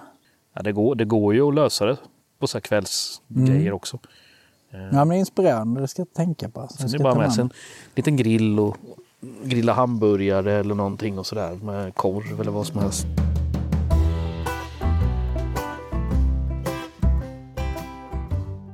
Vad har vi mer hittat på då? Vi pratade 2020 Färnan där. Vi har ju kört lite gös också. Gös har vi hunnit med några pass. Det Ja. har ju också blivit en, eh, en tradition. Flötestrollat på hösten har vi ju gjort. Ja, som alltid när du och jag fiskar ihop så får jag ingen fisk utan jag är med som någon form av maskot. Ja, jag gör allt jag kan för att behålla det. Som det och behålla den, eh, den eh, rollfördelningen. Men du får ju lite gliringar av din fru så jag är ju lite orolig att jag en dag ska tappa sugen. Det är helt, jag tänkte på det innan idag när jag satt i bilen och körde hit. Tänkte jag, jag, jag har inte lyckats få upp egentligen någon, någon bra Nu blir det väl så att den där dryga jävla skåningen drar någon stor igen. Det var så du tänkte? Så satt jag svinar bara. Nej, men det är rätt, rätt roligt att det har blivit så. Liksom att, Ja, det, men det är ju märkligt med fiske hur Ja. det kan slå. Liksom. Man gör ganska exakt likadant. Ja. Och sen så ändå, så, Än- Ändå så, kan spelar det ingen så. roll. Liksom. Men sen är det så konstigt för sen har jag åkt hem och så fiskat alltså som med färnan och lite sådana saker. Då, Ja. då kan jag få någon stor fisk. Som att, det är ungefär som att ja, men nu har du varit snäll och hjälpt honom. ja, jäkla roligt. Du har ju fått några, vi fick ju några gösar där i alla fall på ja, men vi har fått eh, fina gösar. Jag kommer inte ihåg vad vår största Ja, det var. var var väl- 6 och 7. Ja, det har varit över 6 kilo. Ja, två över sex är det i alla Ja, fall. precis. Jag tror det var typ 6 och 7, 6 Ja, och var det 4 nog. eller något sånt där. Ja, Men det är ju också ett jävla spännande fiske. Ja det är, jag gillar det där flötestråla gösen. Det är en, det är en cool fisk. Mm. Ja, och så lite bonuschans på gäddor och... Ja, nej, men det är speciellt uh, fiske. Jag tilltalas av det. Jag hade gärna fiskat mer gös om jag hade haft chansen. Väldigt gärna fiskat i strömmande vatten, uh, bottenmätet gös hade jag velat prova någon gång. Ja, ja, det är jäkla roligt tycker jag. Nu har det ju gått lite sådär halvknackigt för mig när jag har kört det. Inte riktigt hittat någon, några vettiga fiskar. Nej, Eh, Det gäller bara att hitta en sträcka där man får lite gös. så att Man vet att det finns något. Jag har lagt ganska många pass där jag har blankat. Jag har försökt ner i Mörrumsån och hitta någon, ja, någon plats som kan generera lite bättre fisk eller sådär. Men eh, just det. Eh, Det har ju tagit storgös i, i, i ån tidigare, men det är ju rätt många år sedan nu. Mm. Tänker att de kan ju inte bara försvinna. Så Nej, man tycker inte, ju... men det är ju svårt när man inte får någon eh, indikation. eh, Svåra specimenvatten, där är det ju alltid knepigt att fiska för du vet ju, du kan inte säkert veta att du gör rätt. Och det, mycket fiske handlar också om självförtroende och fortsätta tro på det du gör. Och vi har pratat om det innan också när man testar nya vatten. Hur många gånger ska man testa ett nytt vatten? Mm. För du kanske har hittat ett supervatten. Det är bara det att det är ett specimenvatten. Så jag menar, Tänk om man skulle prova Löddeå efter gädda. Om man provade, man provade en gång så bara, nej här var ingen gädda. Han verkar helt värdelös. Det verkar inte finnas en gädda. Det hade du kunnat prova ganska många gånger innan du helt plötsligt fick en jättefin gädda. Och så är det ju många vatten att Ja, man måste ju lägga tiden. eller ha sånt otroligt flyt att du får rätt fisk snabbt. Och det är ju, så är det ju inte speciellt många specimenvatten. Nej, Varken att du har turen eller att det är så bra att du skulle kunna få en, en stor fisk direkt. Utan det handlar ju om att fiska mycket. Men då måste man ju fortsätta tro på det. Så att, men det är ju... Du har i alla fall historiskt att det har kommit. Så det, ja, ja, de precis, borde ju man- inte ha utrotats. Det borde ju finnas gösar kvar. Ja, helt det, klart. det gäller ju bara att hitta... Jag tror det handlar om att hitta sträckan. Jag kan tänka mig, Eh. min upplevelse när jag fiskat gädda mycket i åar, det är ju att eh, ståndplatser varierar lite från år till år. Att det kan hända rätt mycket dramatiska saker i en å. Ja, Det blir vårflod och så kommer det ett nytt bakvatten och så fylls det på med stockar någonstans och så går det inte att fiska där. Och så att det kanske handlar mer om att hitta rätt platser, att de har bytt lite Mm. ställen. Det kan ju handla vilken tid man fiskar på dygnet och allt möjligt. Så att, ja, ja, det, är nog bara, det är nog bara att tugga på. ja, ja. Jag har fortfarande några platser kvar som måste provas som jag inte har Ja, men vem alls. vet vad som händer under tiden? Ni kan ju smälla på en stor ål eller en gädda. Eller... Ja, ja visst. Ja, några, gäddor har man ju fått sådär, men ingen. Nej, du fick ju en uh, skaplig häromdagen ju. ja, På en sträcka som du lite hade gett upp på gädda berättade du ju att uh, ja, ja, precis. Jag du hade kört, fått slanka gäddor. kört, kört innan och fått slanka, tråkiga gäddor på bara något kilo. Och sen nu när man försökte sig på gös i en djuphåla på 5-6 meter tror jag där betet låg på. Så efter någon timme så började det pipa lite försiktigt. Tänkte nu, nu jäklar. Och krokade, det var tungt direkt och sen så bara kände jag den där gäddrusningen så bara jaha. och sen så eh, kom det upp någon gädda på typ en, ja kan ha vägt 7-8 kilo kanske. Jag har försökt faktiskt inte, jag tar varken en längd eller vikt på den utan en uppskattning på Ja, men det är väl väldigt utifrån klokt. erfarenhet. Det var ju så varmt i vattnet så, så Nej, jag ville precis. bara få Man ska vara rädd om kroka loss den och släppa tillbaka den så snabbt jag kunde där. Så. Men det var en bra fisk, alltså riktigt grov över ryggen för att vara mitt på sommaren. Mm. Så nu vart det så här igen. Jaha, ska jag fortsätta där till Ja, höst och vinter nu eller hur ska jag göra? Ja. Annars hade jag ju tänkt. Men den, den sträckan är rätt så tacksam att fiska den årstiden också för det är väldigt sällan det är, blir sådär mycket översvämningar och annat utan man, man kan förlita sig på att det går att fiska där. Ja. Andra ställen i Mörrum är lite eh, betonade kring hur flöde och nivåer och sånt där är för att du ska kunna komma åt och kunna fiska på de platserna. Så Nu jag vet är jag my- kommit. Nu är det mycket mygg här. Jag ska bara hämta. Ja, Ja, jag kan hämta min myggjagare. Nej, men det är ju det är en lång period, vintern. Så då får man ju, och det är korta dagar, så det är små marginaler. Men då får man ju, det är bra att ha lite sådana satsningar. Man kan köra någon gös och man kan köra lite gädda och sådär. Och, Det finns ju inte. Säga, det finns ju inte så mycket annat att göra. Eh, Nej. Men så är det ju nästintill. Det är ju där du det är där man brukar hamna på i slutändan. Man fokuserar på att försöka få någon gös och någon gädda. mm. Abborre kanske. Mm. Klart det går ju att köra många arter mycket mer än vad man gör. Det har ju visat sig med, med flera arter med, Så är det ju. Men det är ju med inte... gös och, eh, som man tar mitt i vintern. Och, alltså du, du kan nog fiska det mesta. Jag tror säsongen för ål är också mycket längre än man tror till exempel. Och Ja, mala sådana gamla sanningar, eller som har uttalats som sanningar att fisken går i dvala. Sånt där, det tror jag inte stämmer i speciellt stor utsträckning. Så det var ju någon som fick en mal på ismet, det kommer jag ihåg. ja, Och det är vintras kanske. ja så det att, måste eh, det varit. Det är ju ingen fisk som ligger i någon slags dvala som hugger på ismet. Och Det, är den enda som är mig vetligen bevisat på så sätt är väl rudan. Liksom, som, ja, det är det ju, precis. som ställer om sig och Mm. super ner sig på säga. Men, Ja, men precis. Och det är ju också en överlevnadsstrategi. Det är ju inte sagt att det är alla vatten. Men eh, när det blir riktigt kallt och det kan bli bottenfruset Ja. och så. här, så. att- vad har vi mer då? Vi har Ål eh, kör vi ju. ål var ju med. körde Ja. vi ju. Det var ju förra året var vi ju iväg några dagar. Ja, var det första gången vi körde ål ihop? Det kanske det var va? Ja, jag tror faktiskt det.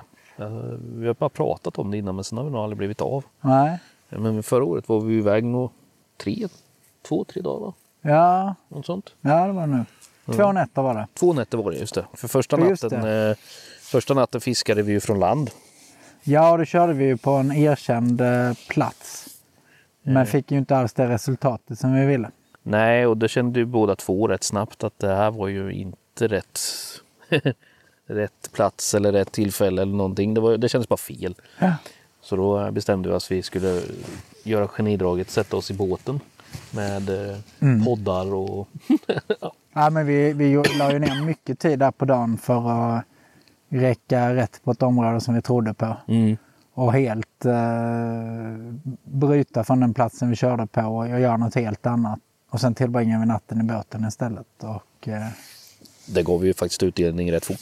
ja, det betalade sig väldigt väl. Jag fick ju en dubblé med två fina ålar på en, en halvtimme, timmes tid. Ja, ja Jag tror till och med det var samma spö det högg på. jag tror också det. Typ Ja, halv tolv och kvart över tolv. ja något där. sånt. Ja, precis. Så helt plötsligt så... Hade du två ålar över två kilo i, Ja. i slingen. Ja, den där oförglömda hovningen av den första. Din När det jävla liksom- skithov. Det var ju, det var ju, bara, det var ju bara några pip och så var det så här, liksom så här konstigt. Men jag chansade, gjorde mothugg och den satt. Och jag satte hård press på den, kom ganska snabbt. Så jag bara, "Nej, den är inte så jävla stor. Och sen så kom det upp en stor ål ändå. Och så skulle du hova den och så var den inne i hoven. Men sen helt plötsligt så var den inte inne i hoven Han längre. var, han var blixtsnabb bakåt där. Alltså jävla... Men den där jävla hoven med. För den, Ja, den, på dagen så körde vi lite gädda. just det, den knäcktes då. Och då fick ju du någon jävla gädda där. Ja, just det. Eh, och då, eh, då gick ju hoven sönder så du lagade den med en jävla gaffel. Just det. Så en sån här gammal Savage Gear-hov här man vek ut. Just det. Den kan man inte vika ihop längre den hoven. Nej, Så är det. Den, eh, den var ju typ, sä, säg att den ska vara, vad kan den vara? 70 centimeter. 60-70 bred, ja. Nu var den väl 35 eller något för resten bara hängde den ihop. Liksom. och, Ah. och sen när man drog den framåt så böjde den sig lite. Nu försöker du skylla på hoven. Nej det gör jag inte. Ålen var ruskigt snabb också. Och min hovning var inte optimal var den inte. Nej, nej men det var, det var, man lär sig hela tiden. Det var otroligt. Det var väldigt skönt också att den satt kvar sen, att vi kunde hova den igen. Ja, ja det var ju, nästa försök så hade jag lärt mig hur jag skulle göra. Ja, men nej, men sen den där morgonen efter när man skulle hantera de där jävla ormarna. Alltså, det är också sådär. Är det ormar eller är det fiskar eller vad är det jag håller på med? Jag, jag har någon sån minnesbild framför mig att den reste sig som någon slags kobra och stirrade mot mig. Det kändes så i alla fall när jag halkade runt där i, i mattan med de här två monstren. Jag skulle få någon sån här jättefin flashig bild med, med två stora ålar. Det var inte en bra bild. Ja, de är... Man håller dem upp och ner och alla så här trick. Bara, håll dem bara försiktigt och klappa dem på magen så är de så fina. De var överallt. Så fan heller alltså. De var överallt de där. När den ena var på väg åt ena hållet så var den andra på väg åt andra hållet. Och Jag tror jag tog... 100 bilder, 200 200 bilder. Ja, Jag tror jag plockade ut 12 som var rimliga. ja, och det var ingen som var bra. Och det var inte ditt fel, det var, det var liksom bara hela situationen. Jag, jag kommer ihåg att du höll på att skratta också. När jag, hörde- och jag bara, fan håll tyst, det, ska vi byta eller? Det är inte så jävla lätt. De var fan överallt de där två. De skulle ju ut hela tiden. Så Ja, ja, det var, ja, herregud. De var ju roliga också för de var, de var ju så olika. Den ena var ju helt svart och silvrig mer. Ja. Och den andra var ju mer grön. Så de var verkligen helt olika. De var lika stökiga båda två. Ja, men de var rätt jämnlånga va? Ja, den ena var väl ett par centimeter längre. Ja. Och så vägde de ju nästan exakt samma. Vad var det? Typ 20... 22, 22 26 och 2,28 Just det. Ja, för det var ju... De såg ju verkligen helt annorlunda ut. Både i, Mm. Men även i ögon och Ja, huvudform och alltihopa. Den Mun, andra ja, det var som att det var nästan två olika... För den andra var ju jättesmal i munnen Just och den det. andra var ganska bred. Ja. Men visst, det kan ju vara olika kön. Jag vet inte. Nej, man vet ju så lite om det. Ja. Men, det är jävla cool fisk är det ju. Ja, skithäftig alltså. Det blir ju på något sätt, som du sa, är det en orm eller är det en fisk? Ja. Definitionerna där är ju svåra liksom. Jag tror man skulle bli, bli rädd om man snorklade runt i någon sjö man mötte den i alla fall. Ja, fan. jag vet jag filmade ju lite när du släppte tillbaka dem i vattnet och de simmade iväg. Ja, Visade det för min fru och hon eh, sa att hon skulle aldrig mer bada. nej. Menar du att det är såna äckliga... Men de är ju, ser ut som en orm. Mm. På riktigt så. Ja, jävla häftiga fiskar. Men det var kul så. Så den eh, ålfisket har vi ju framför oss. här. Mm, det är spikat igen. Så det, Ja, de, de här underbara nätterna som, som är på sommaren. Vi, vi satt där under eh, nattimmen och spänningen som är och vi åt ostkaka med grädde Ja, som du det, det dukade vi. fram och tryckte i oss en del whisky och äh, fan. ja, det Det, är- riktigt lyxigt. det har man längtat efter ett helt år nu. Ja, det, är, det är viktigt det där. Men det har vi pratat om i en annan podd ju. Just det här planeringen och Mm.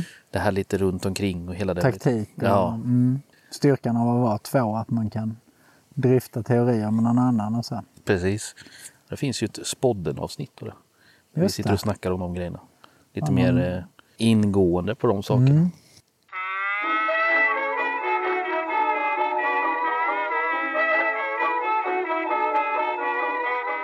Har du lyckats få upp något annat roligt som vi inte har pratat om fiskat? Jag tänker vi... vi År har väl varit sådär lite mellanår igen. Jag har inte fiskat så mycket. Jag har väl inte haft någon sån här riktig flyt heller. Det är ju så, det är ju, det är ju svårt att, att få till det när man, när man inte har så många fiskepass. Då krävs det ju att man kommer väldigt rätt. Man har det lilla extra mm, flytet. Så det kan ju gå år mellan, mellan bra fångster. Men eh, det är ju lång tid av året kvar. Det kan ju reda upp sig. Det är ju kul om varje gång man slår personbästa. Det är ju kul. Så att, ja, men så är det ju. Det, kanske kan hoppas på gösen i höst. Det hade, jag har personbästa som är från 09 så det har jag hängt i länge. Det hade varit kul att knäcka det. Det är ju en, inom rimliga gränser. precis. Så, så ska vi fiska in. Iden har vi kvar, just det. Just det, den har jag ju fasen glömt bort. Där har vi två dagar som vi ska köra lite Ja, men- följt av en dag gädda också. Just det. Så Just där har vi ju en rejäl satsning Ja. vi ska ut på. Det är verkligen eh, Fasen vad gött, det var i november, var sist, någon av de sista helgerna. början. Fem, Var det början? Femte, sjätte någonstans tror jag. Ja, Så det blir spännande. mm, riktigt kul. Men annars vet jag inte. Visst, vi har ju nött på med våra grejer så lyckas ju oftast rätt så bra ändå. Mm. Men någonting jag kom på nu som jag igår var det väl va? Det dök upp den här enorma gäddan. Ja. Vad tänkte du när du eh, såg den? Har du, hade du hört talas om den innan?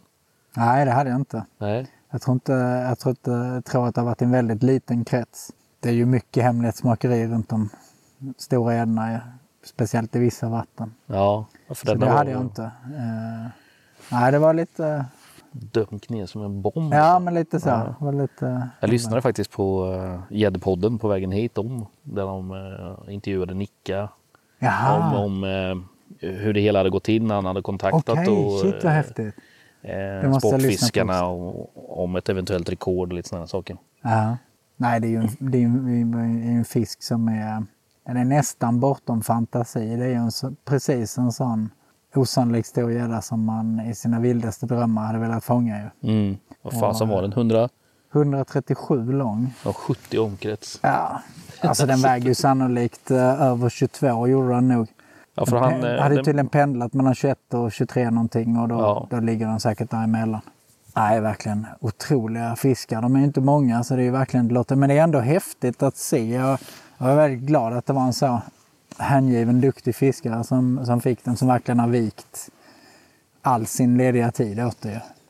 ja, det, Då det framgick också tydligt. Mellan Det- 30 och 60 pass per vår i 15 år. Det är, alltså, det är en annan dimension än man någonsin själv har varit i. De här unga driftiga killarna alltså som, som de har ju tagit ut eh, sex, åtta veckors semester och all, bara samlat ledighet för att trycka ut det på våren när det är som mest optimalt att få en stor. Så det är ju, det är ju hundratals fiskedagar de här eh, gäddfantomerna har lagt ner. Så att, eh, och det är ju ändå häftigt att se att rekordfisken och denna nu som, som eh, ju sannolikt var större, de är ändå tagna av hängivna, eh, extremt duktiga inriktade fiskare. För annars har det ju alltid spekulerats att nästa rekord kommer nog från eh, någon Svensson i någon pöl, bla bla bla. ja. Men det här visar ju ändå att alltså, även om det är oerhört liten chans och det finns många så duktiga fiskare så är det, det, det går ändå. De som lägger mest tid, eh, det är klart att slumpen någon gång kan skörda ett offer, men de som lägger mycket tid har chans på sådana. Mm. Jag är ju ingen gäddfantom på det här sättet så att jag mm, lägger ofantligt mycket tid på de bitarna. Men jag tycker det är så jävla roligt när det kan komma en sån här enorm fisk för någon som verkligen brinner för det. Mm. Alltså de här slumpfiskarna, de, de kommer lite för ofta egentligen. Om man ska vara lite taskig. Eh, men det är likadant med om man kollar på Färna-rekordet.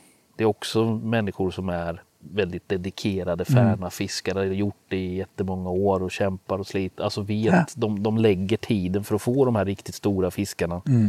Jag tycker att det ger någon form av extra dimension i det hela. Att det, det visar att har du liksom eh, motivationen, dedikeringen och drivet så, så ska det löna sig och nu gör det det. Det är uppenbarligen bevisat som du sa, rekordet och sen den här 137an liksom. Det enda som jag känner personligen, och jag pratade med en annan kamrat om det idag, det är ju lite sorgsenhet när man inser vilken nivå på eh, dedikationen som krävs. För vi konstaterade krasst båda två att vi är ju liksom inte i närheten. Fiska några strödagar per vår, eh, som det är nu med familjeliv och så. Det är ju inte ens eh, en lottochans på en sån fisk utan det som krävs är den här typen, eh, alltså du kan ju alltid ha turen. Men om du ska förbättra din odds Ja. så ska du ju fiska oerhört mycket i rätt vatten. Och det, Det- gör vi ju inte längre. Vi har inte den möjligheten. Så då kan man ju bli lite sorgsen och, och tänka att ja, Det var det det. och, ja, och samtidigt så kan man ju känna det. Man tänker på den om man får en sån stor gädda. Hur tar du ett omtag sen? Mm. Hur motiverar du dig att sticka ut? Kan du fiska 60 dagar på en vår efter det? Kommer så Sebastian sticka ut och fiska på samma sätt? Ja, Kommer, eller kommer han göra- välja lite bekvämare lösningar? ja. Och överhuvudtaget, kommer han fiska gädda? Alltså, man har nog fått själv ställa sig den frågan. Hur glad kan du bli för en 13-14 kilos gädda när du har fått smaka på en på 21 eller 22 eller vad den vägde? Alltså, missförstå mig rätt, en 13-14 kilos gädda är jättestor. Men den är ju inte det i förhållande till en på 22. Nej, då men är den då är- faktiskt ganska Då liten. det var precis, då Till blir det medioker 4 kilos. Ja, men lite Ja. så. Jag menar 10 kilo till på den så snackar vi. Ja. Alltså, och och det, jag menar, då pratar vi ändå en stor fisk. Och få en på 9, hur kul är det sen? Nej. Men har du själv känt det då? Nu, du, när du fiskade som gädda som absolut bäst. Jag menar, du la ju också väldigt mycket tid på Det det. gjorde jag ju då. En Eh. några år. Där hade jag ju andra möjligheter att lägga till. Ja, jag menar, då körde du riktigt jävla hårt efter gäddan Mm. och, och hade ju som målsättning att ta svenskt rekord och hela den här biten. Mm. Eh, det, det kanske du fortfarande har men du vet ju. Nu är det ju mer som en avlägsen dröm. Just som Ja. jag sa, det är väl det som gör en lite sorgsen också. Att det känns som att man har haft sina chanser. Att eh, nu är det svårt alltså. Det kanske kommer chanser igen. Men just nu så har man ju inte ens en Nej. eh, teoretisk chans. Jag menar du har ju också fångat ofantligt många stora gäddor. Jag menar det räcker med att lyssna i gäddpodden när du var med där. Du har ju en, en lista som är egentligen helt sjuk också. Mm. Har du också tappat den här motivationen någon gång? Alltså på något sätt Ja, att du känner att jag, jag har nog fan uppnått mitt, mitt max här. I, Ja, och just i förhållande till svårighetsgraden. Att jag, det berördes ju också i artikeln med, med Sebbe och, och när Nicka beskriver det att eh, det kanske kommer en 18 kilos var tredje år. Mm. Och det ligger rätt mycket i det. Jag vet hur oerhört, oerhört, oerhört svårt det är att få en på 18 kilo. Som är den gränsen som jag vill över. Mm. Eh, och det gör ju att det växer ett motstånd i sig. När jag vet att jag inte kan ge mig själv de, ens några rimliga förutsättningar. Nej.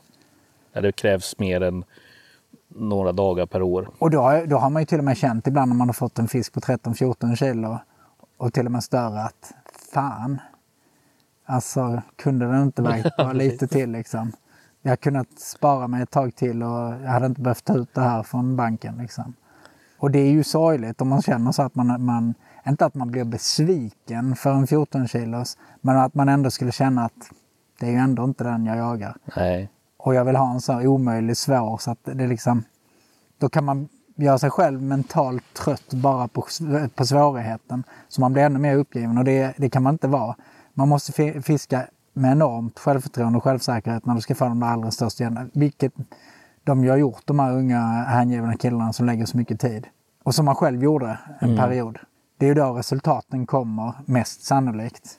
Så på det viset har jag väl tappat lite motivationen för jag känner att jag inte ger mig själv, eh, jag, har, jag kan inte ge mig själv de rätta möjligheterna. Liksom. Så jag, jag måste förlita mig på turen. Och då, Den är farlig. ja, den, den eh, varför skulle jag ha tur? Det är vem som helst kan ha tur.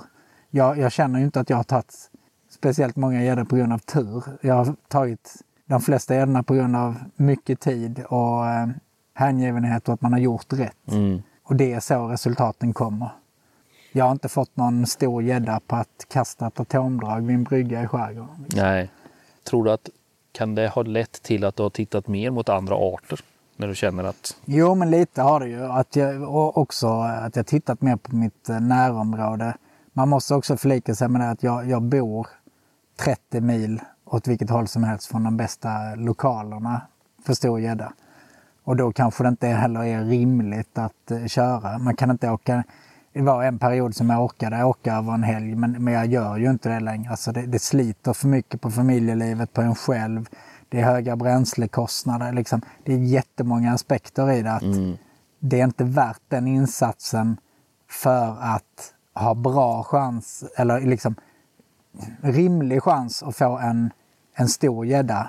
Men nästan omöjlig chans att få eh, drömgäddan. mm, Så då har det väl blivit lite så att fokus har flyttats. Så, jag menar, ska man få med barn? Jag menar, du kan inte få med ett barn på, på en eh, februarisatsning efter gädda i en vecka. nej det är svårt. Eh, när du inte ens, där det kan vara svårt att få med frun på bara tanken att du ska vara iväg i tre, fyra, fem dagar eller någonting. Ja, ja, visst. Så att, eh, nej, då har det ju flyttat fokus. Så kan det ju vara. ja. Och det kanske får vara så att det går lite perioder. Och, Tänkte säga det. Sen. men man, man är ju inte eh, körd för att man sen är, är 50 plus.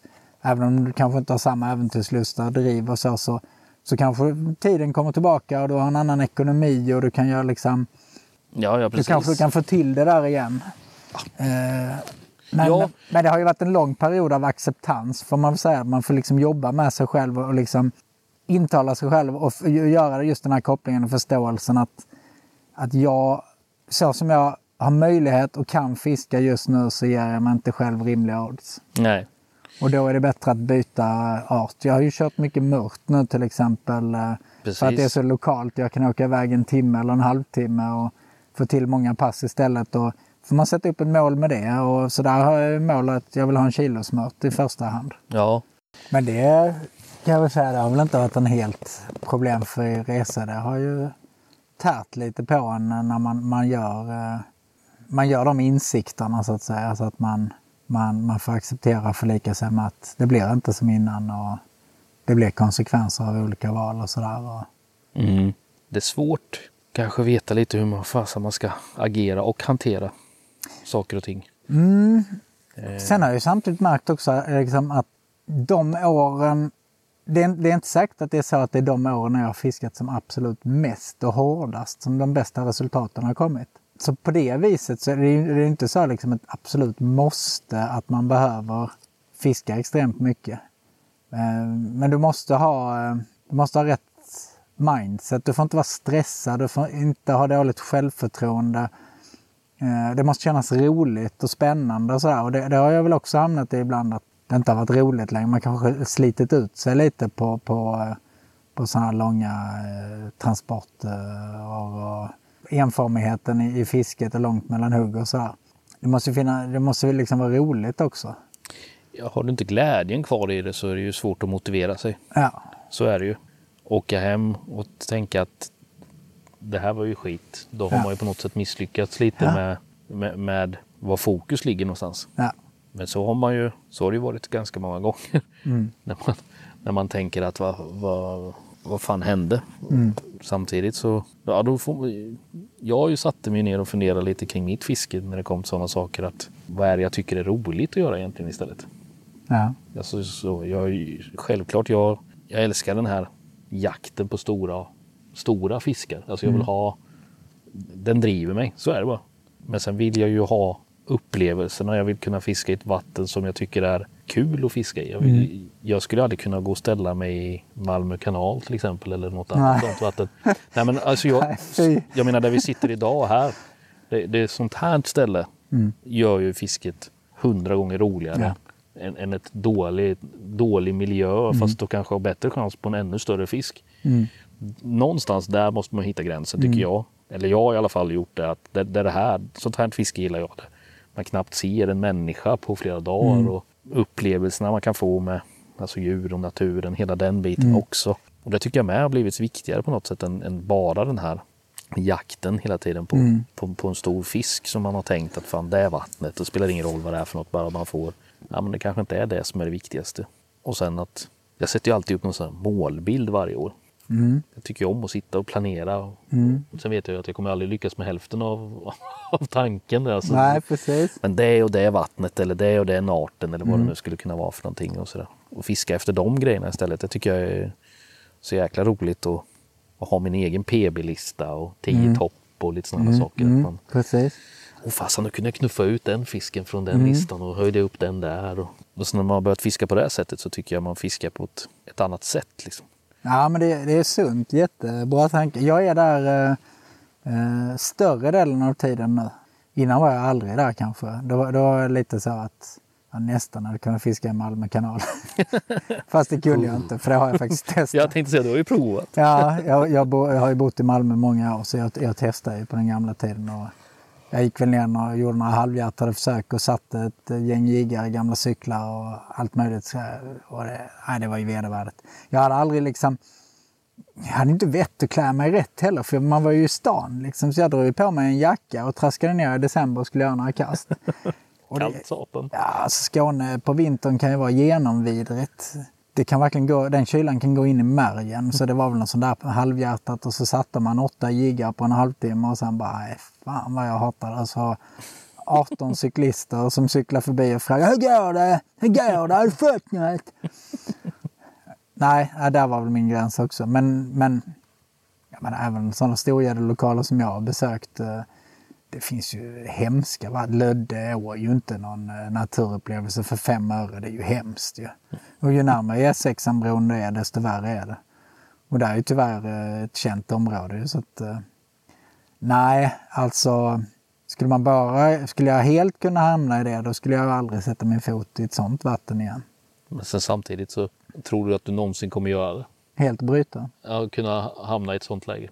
Ja, om jag skulle få rätt fisk så tror jag jag skulle bryta på dagen. Inte, och det är väl därför jag inte är där så ofta längre. För att jag, inte, för att jag, jag egentligen hatar fisket och miljön. Jag har kört mig slut på det. Ja, Så att det enda jag vill ha är den där omöjliga fisken som kommer var femte år. Liksom. ja.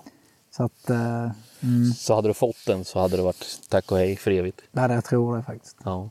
Tror inte jag hade kunnat få det där innan när man hade drivet och man liksom fick PB. Då tänkte man nu ska jag ta en ännu större. Det, bara, det liksom bara spädde på. Eh, och efter ett blankpass så liksom kände du direkt fan jag måste tillbaka, jag ska ha revansch. Och så. Nu känner man bara så, åh ett jävla blankpass igen. Mm.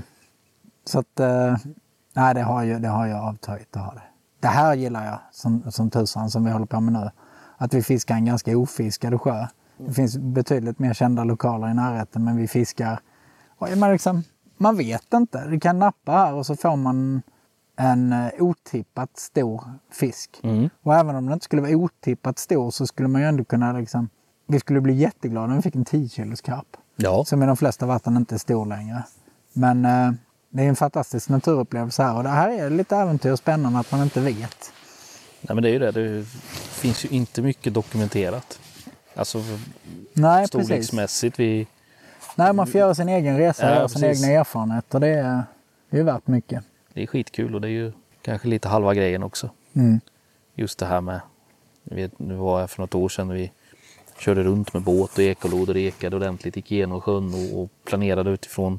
Och all tiden vi la då sitter vi idag och fiskar på de platserna egentligen som, Ja, som vi hittade då och så hoppas man, ju att, ifrån. eh, att, hoppas man att det kan betala sig nu när vi har förmäskat också. ja, Och om allt går enligt prognos så ska vi ha ett hugg någonstans i, i natt fram till, till eh, någonstans på förmiddagen. mm, Så det är väl det. Så jag, jag känner mig inte bekymrad eller stressad att inte verkar vara någon aktivitet. För det har vi också konstaterat att i ett vatten där det inte verkar finnas någon fisk överhuvudtaget förrän det drar i spöna.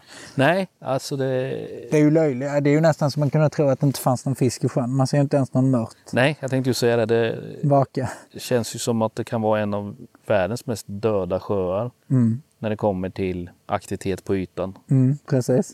Ja, vad heter sådana simmande spindlar brukar jag säga att det kallas. Ja, harkranken. Ja, det- Mm, nej, inte har, vad heter den? Skräddare? Ja, precis. Tack. Mm. Eh, Det är väl ungefär det som rör sig på ytan här. Mm. Allt annat är ju helt... Ja, det är otroligt märklig sjö. ser inga rullningar, man ser inga fiskar som eh, alltså går i näckrosorna, trycker undan. eh, Mm. Alltså ingenting. nej. Det är som någon form av spöksjö. Liksom. Och Mm. sen helt plötsligt så bara skriker i larmet från ingenstans. Ja, men lite som Amazonas.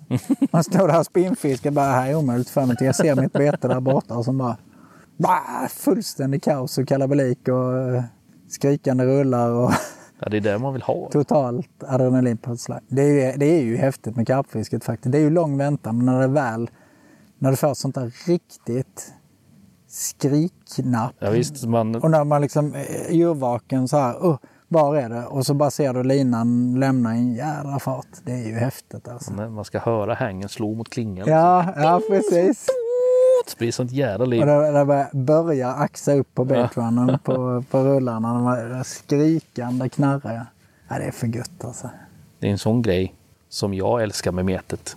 Och det, det har jag sagt innan eh, någon annan gång med. Men just det här, gå från noll till hundra. Mm. Det kan du inte få på något annat sätt. Nej. Än, än att hålla på med ett mete på något sätt. Alltså, det kan vara att flötet reser sig till att feedertoppen Mm. börjar gunga. Eller som det, här, det här är det mest exceptionella. Det är när larmet Mm. liksom skriker. Och det spelar ingen roll. Det behöver inte vara karp. Det kan vara om man kör gös eller vad som helst. Att helt plötsligt Mm. så bara pip, pip, pip, pip, pip. Och där och då så har man en puls som är inte nyttig för kroppen hög från ingenstans. Liksom. Mm. Och det är just det där som gör att man återvänder. Eller jag återvänder hela tiden. Tycker det är så jäkla roligt att få 0 till 100. Bara kunna, som nu, sitta här precis tyst och varm sommarkväll, lugnt. Det händer ingenting. Och så från att ingenting till max. Mm. Och det kan vara verkligen precis när som helst. Ja, Man, mitt i matlagningen, du ser, står och kissar, du är nere och tvättar händerna på andra en bit bort från dina spön. Alltså när som helst Ja. kan det vara.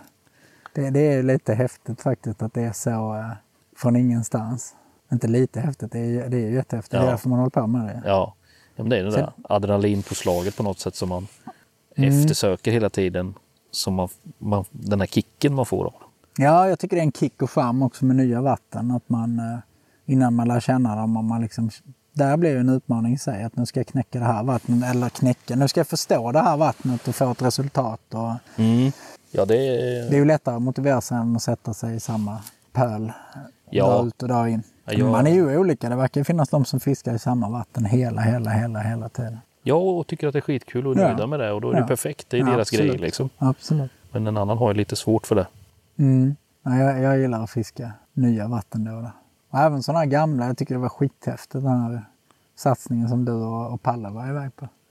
Ja, nu när vi var och körde sutare i, i, i gamla klassiska vatten och spelade in en film. Mm. Den ska vi ramla ut om en ja, sensommar, höst här hoppas jag att jag ska kunna vara färdig med den. Ja, coolt. Eh, Ja, man, man har ju sådär, vi pratade innan om det där, olika intrycken man fick när man var liten. Då har man ju en del sådana där namn som dyker upp. Så Mm. man känner att det hade varit kul, bara, bara för att se hur det ser ut där. precis, det är Ja, lite grejen. Alltså Ja, En gång i tiden var det här det bästa. det bästa vattnet. Vad är det som gör att det inte är det idag? Eller är det där? Alltså är det, finns det fortfarande? Där! Nej, Var det en mås? Det kanske var en mås. Det lät som en rullning. Jag blev så glad första flaskan. Nej, det var en mås. Det var en mås som gjorde helvete också. attackdyk. Nej, men jag kan, jag kan känna, eh, man har pratat om det förr, att eh, en av de artiklarna som har eh, inspirerat mycket, som i alla fall ligger bland, bland topp 10, det, var, det är ju Jörgen Larssons legendariska, vill jag säga att det är, eh, Härsjön-artikel om Brax. Mm. Den satsningen de gör där, det sättet att skriva som man aldrig skriver på längre. När han beskriver liksom i detalj hur de eh, gör med mäskningen och, och det liksom kommer så här resultat. Eh, Kvart över två så börjar det pipa igen. Och. Men den satte spår den artikeln. Så jag, jag, hade, jag hade kunnat tänka mig att bara åka till Härsjön för att se hur sjön ser ut. Mm. Men nu vet man att det är ju helt meningslöst att åka dit. Det finns ju inte någon stor brax eh, där. Och Nej, den... Eh, det är ju det är inget, det är ju inget lönt att fiska där, men det hade varit coolt att bara... åka dit och Mm. få se själva vattnet för sig. Så. Men Det känns så- som det var, det var ändå lite annorlunda förr. Nu är det ju väldigt, väldigt få lokaler som alla åker till. Det fanns ju ändå en annan spridning och det var ju fortfarande den här nyupptäckarglädjen och att man liksom, det var inte det här extrema som det har blivit att nu åker man bara till det allra bästa vattnet för en, en specifik art. Du kunde ändå åka så här, du kunde åka till Härsjön, du kunde åka till eh, Hossmön. Alltså du kunde åka till olika vatten där för att försöka fånga den där eh, braxen. Men tror du att det kan vara, är det som tävlingen, alltså svenskan till exempel, är det den som har gjort att vi hamnat i det här läget? Nej, jag det, tror inte det enbart. Jag tror Eller är det just jakten på den stora fisken och att ja, jag vill fånga den största fisken jag kan och det gör jag i det här vattnet för det vet jag om. Jag behöver inte leta. Jag tror det är den, eh, den digitala tidsåldern. Mm. Vi hade en enorm fördel eh, förr hade man av att eh, det tog tid innan fångsterna kom ut. Mm. Så när gäddorna kom ut från ett vatten, då var säsongen redan slut. Mm. Och då hinner folk glömma till nästa säsong.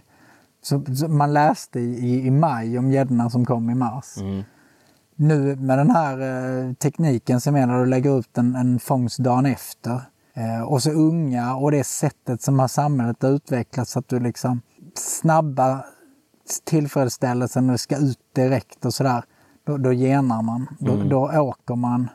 Då åker man inte, även om du är ny och du inte har något brax PB, om vi tar braxen som art, då åker du inte till ett vatten där du kan få på 5 kilo, utan du åker till Rögle för du vet att rekordet är taget där du kan få på 8. Mm.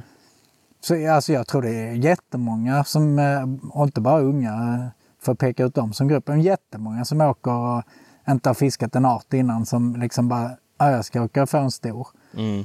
Och det har jag alltid varit principiellt mot. Jag tycker du ska börja liksom i en trappa och ta dig uppåt. Du ska inte fånga en, en, en, en 10 kilos gädda som din första gädda. Liksom. Nej, det kan ju aldrig, eh, om man ska se det så, det blir ju ingen positiv upplevelse för sen kan du inte, alltså en två kilos gädda är ju helt, Nej, men det är lite som vi pratade om den här stora gäddan. Vad gör man sen när man har fått en 20 kilos Ja. gädda? Va- Vad ska du fiska efter då? En 10 kilos gädda? ja, nej men det blir ju Som är lite, mera rimlig? Nej, alltså det är väl bättre att göra hela och då kan du väl börja i dina hemmavatten och liksom lära dig. Så var det ju med mitt gäddfiske. Jag, jag, jag övade ju i mindre kända vatten. Tills jag fick bra resultat där och jag liksom var färdig där och kände att nu kan jag inte komma längre här. Och så tog jag steget vidare. Jag, jag tycker det borde vara mer berikande för fler människor om man, och fiskare om man gjorde så. Mm. Men idag man- är det ju så jäkla lätt att hitta ett vatten som håller stor fisk Mm. och då åker jag dit. Ja. För att jag vill ju få en stor fisk. Och så lägger du bara tiden. Ja, Eh, men kanske inte någon form av kunskapsbank bygger du inte upp då. nej, precis. Du lär inte känna och läsa vattnet utan du, den informationen får du ju. Är du mycket tid vid rätt vatten så får du ju den gratis för du ser vad folk får fisk och du pratar med någon och sådär. Istället för att lära dig det själv.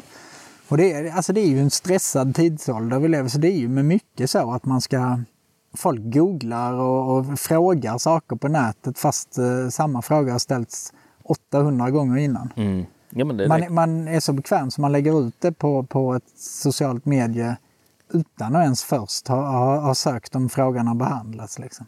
Och gång på gång på gång på gång i alla avseenden så är det ju så. Mm. Allt ska gå så jävla snabbt. Eller om du lägger ut en bild på en fisk, var har du fått den? Ja, Var fick du den? Vilket drag fick du den på? Vilken metod fick du Ja. den på? Vilket bete? Alltså det är ju den enda, det är ju ingen som liksom, eller ingen, det var ju elakt sagt, men eh, det är en väldigt stor andel som egentligen inte bryr sig om själva fångsten eller fångstmannen, kvinnan i det här fallet, utan vill bara själv lyckas få eh, den fisken, eller Ja. en sån fisk. ja precis. Det är lite tragiskt så.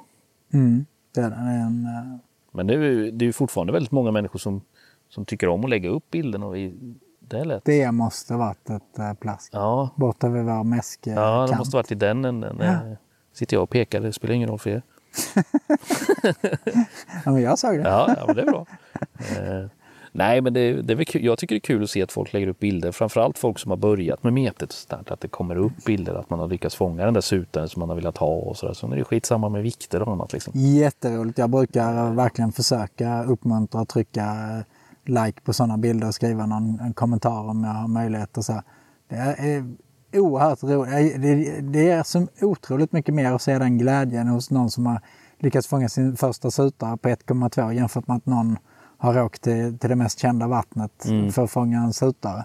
Då de har höjt sitt PB från 0 till eh, 3,8 som första fisk. Liksom. Ja, nej, jag håller med. Att Och jag det- menar, ska man få med barn på, på den här resan då kan ni ju inte fortsätta med den utvecklingen att man bara Jaha, nu ska vi fiska efter en, en braxen. Nu åker vi till Rögle dammar. Ja. Det här extrema specimenfisket som förr var för ett fåtal väldigt, väldigt hängivna. Det har ju på något sätt blivit hos fler. Man åker bara dit. Man gör det bekvämt för sig. Man åker bara dit där chansen är, eh, finns att få de största. Mm. På något sätt som att det, det räcker liksom inte. Du får inte tillräckligt mycket mycket gillande av att eh, lägga upp en 5 kilos brax från en uh, otippat vatten. Nej, nej, precis. Det är svårt det där och jag vet inte. Förhoppningsvis så kanske det självsanerar sig någon gång och vänder på det. Att folk tröttnar eller att det... Egentligen är det, ganska, det är en ganska märklig företeelse för att det är ju faktiskt, det har ju hänt lite på den fronten men generellt sett så, så är det ju ingen ekonomi i fiske. Det är ju inte så att man kan tjäna massa pengar på att lägga upp en, eh, en stor eh, Nej, metfisk. Möjligen om du blir världens Youtube-profil och eh, åker runt med din bassbåt och flashar upp massa gäddor som du skickar i till höger och vänster och abborrar och sånt där. Men just metfisk, det är ju, alltså det är ju bara själva berömmelsen eller beundran från ett fåtal andra som, som du kan vara ute efter. Det är en enda belöning. Det finns inget annat värde i att eh, du måste upp direkt med den på sociala medier och så. Nej, nej, jag... Så det det är egentligen väldigt märkligt men det är alltså alla människor, eller i alla fall de flesta, har ju behov av bekräftelse. Det kan ju variera i livet och vilka saker du får bekräftelse och så. Men, men det går väl, alltså det är ju lite samma symptom som är på allt annat. Lägger du upp en, en bild på dig själv i någon tröja som du tycker är fin, då vill ju att alla andra ska tycka den är fin med. Mm. Ja, men det är ju den snabba stimuli-delen som har Ja, tagit över. Jo, men det är, som, det är som... Alla är som någon slags jävla missbrukare. Det är precis så missbrukare fungerar. Ja. ja Snabbaste sättet att få stimulen och få den här kicken och må det här lilla, lilla, lilla bättre. Och sen sekunden efter så är det bortglömt. Då får du åka till nästa vatten och ta Ja, ja precis. Eller som alla som lägger upp sig på Instagram som eh, Ja, det vis- har jag inte ens Instagram. Det är jag glad vi, visar upp hur fina hem de har. Ja. Och sen i andra hörnet så är det ju troligtvis det mest kaosartade stället du kan ha. Men kolla här vad fint. Och sen Ja. Så går folk runt och konstgjorda jävla verkligheten. ja, ja, precis. Och så går folk runt och sen blir, blir de stressade för att alla andra har det så jävla fint hela tiden. Bara fast sluta bry er så mycket om vad andra tycker och Precis, tänker. man ger varandra ångest. Ja, ja, precis. Man, man bygger upp ångest av att visa hur fint man har det. Fast innerst inne vet de också att man inte har det så fint. Det blir väl lite samma, jag vet inte. Nu kommer vi ju Nu kommer vi in på annat lite. också, men det är ju det är en märklig värld. Jag, jag, jag vet inte, man kanske är gammal, men jag kan bli som Tomba. Jag kan bli nostalgisk och vilja vara kvar där i 70-talet och blända runt i de här gamla fiskejournalen. Jag gillar dem. Kryddat som fan också ibland. Jag vet inte om jag skickade bilden på den där gäddan på 15 och 6. Jo, Sen, han var... som någon håller upp. Och, äh, det är världens jävla skröna kring den. Han håller upp någon tanig utläckt 6 Alltså- kilos gädda och skriver att den är från skärgården och väger 15 och 6. Alltså det, det, det, det, den är så orimlig så den, så den blir ju Alltså, så- charmig på något sätt. Han såg så trött ut den gäddan. Den var den slankaste stackaren. Och tvärdö är. Ja. Och så läser man om alla andra gäddor i texten. De har fångat på 10 och 12 kilo och allt möjligt. Liksom. Men den här var något alldeles i hästväg. Så Jag satte en etta framför vikten. ja, ja. Den var nog mer rimligt runt fem där. Ja. En det- utlekt sjua som nu väger 5 och 6 och så lär man till en etta. Så fronta den lite helt utsträckta armar. Han var snabb med frontningen gubben. Liksom. 15 och 6 i skärgården. Men det var var, grattis, grattis. det var ju lite charmen över när man bläddrar de här gamla. Liksom, att helt plötsligt så smög det sig in och sånt där. Helt idiotfel. Ja. Man bara, men, vad, men gjorde de det med flit? Bara för att jävlas? Ja, ja, precis. Eller om det var, de kanske var före sin tid. De insåg det här med fame. Alltså. Mytomaner, eller jag vet inte. Och sen, det är ju så intressant också, för väldigt ofta så var det ju på, så här, på meter när. Då fick man all den gratisinformationen. Ja, jag fiskade i Oxelösundsviken utanför den gröna pinnen där, precis vid vik 2 där, längs den där kanten. Man fick det serverat Ja. liksom. Nu när man inte får det serverat, då ska alla bara, vad fick du den? Vad fick du ja. Så kanske, man kanske skulle göra en sån antirörelse, man bara är så här brutalärlig, för det är ingen som tror på en ändå. Skriva ut exakt sådär. Koordinater, så här fick jag. Ja, ja, ja, kul. Ja. Jag fick det.